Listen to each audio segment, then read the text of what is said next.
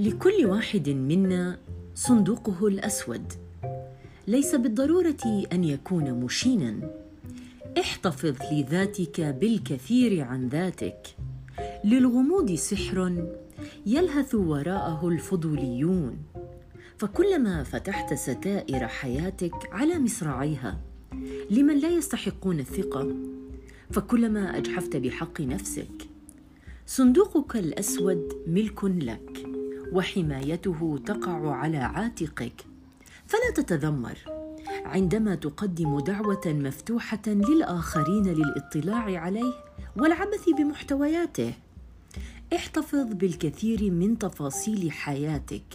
فأنت لا تعلم متى يقرر الآخرون أن يسقطوا طائرتك ويطلع العامه على أسرار صندوقك الأسود. صباح الخير.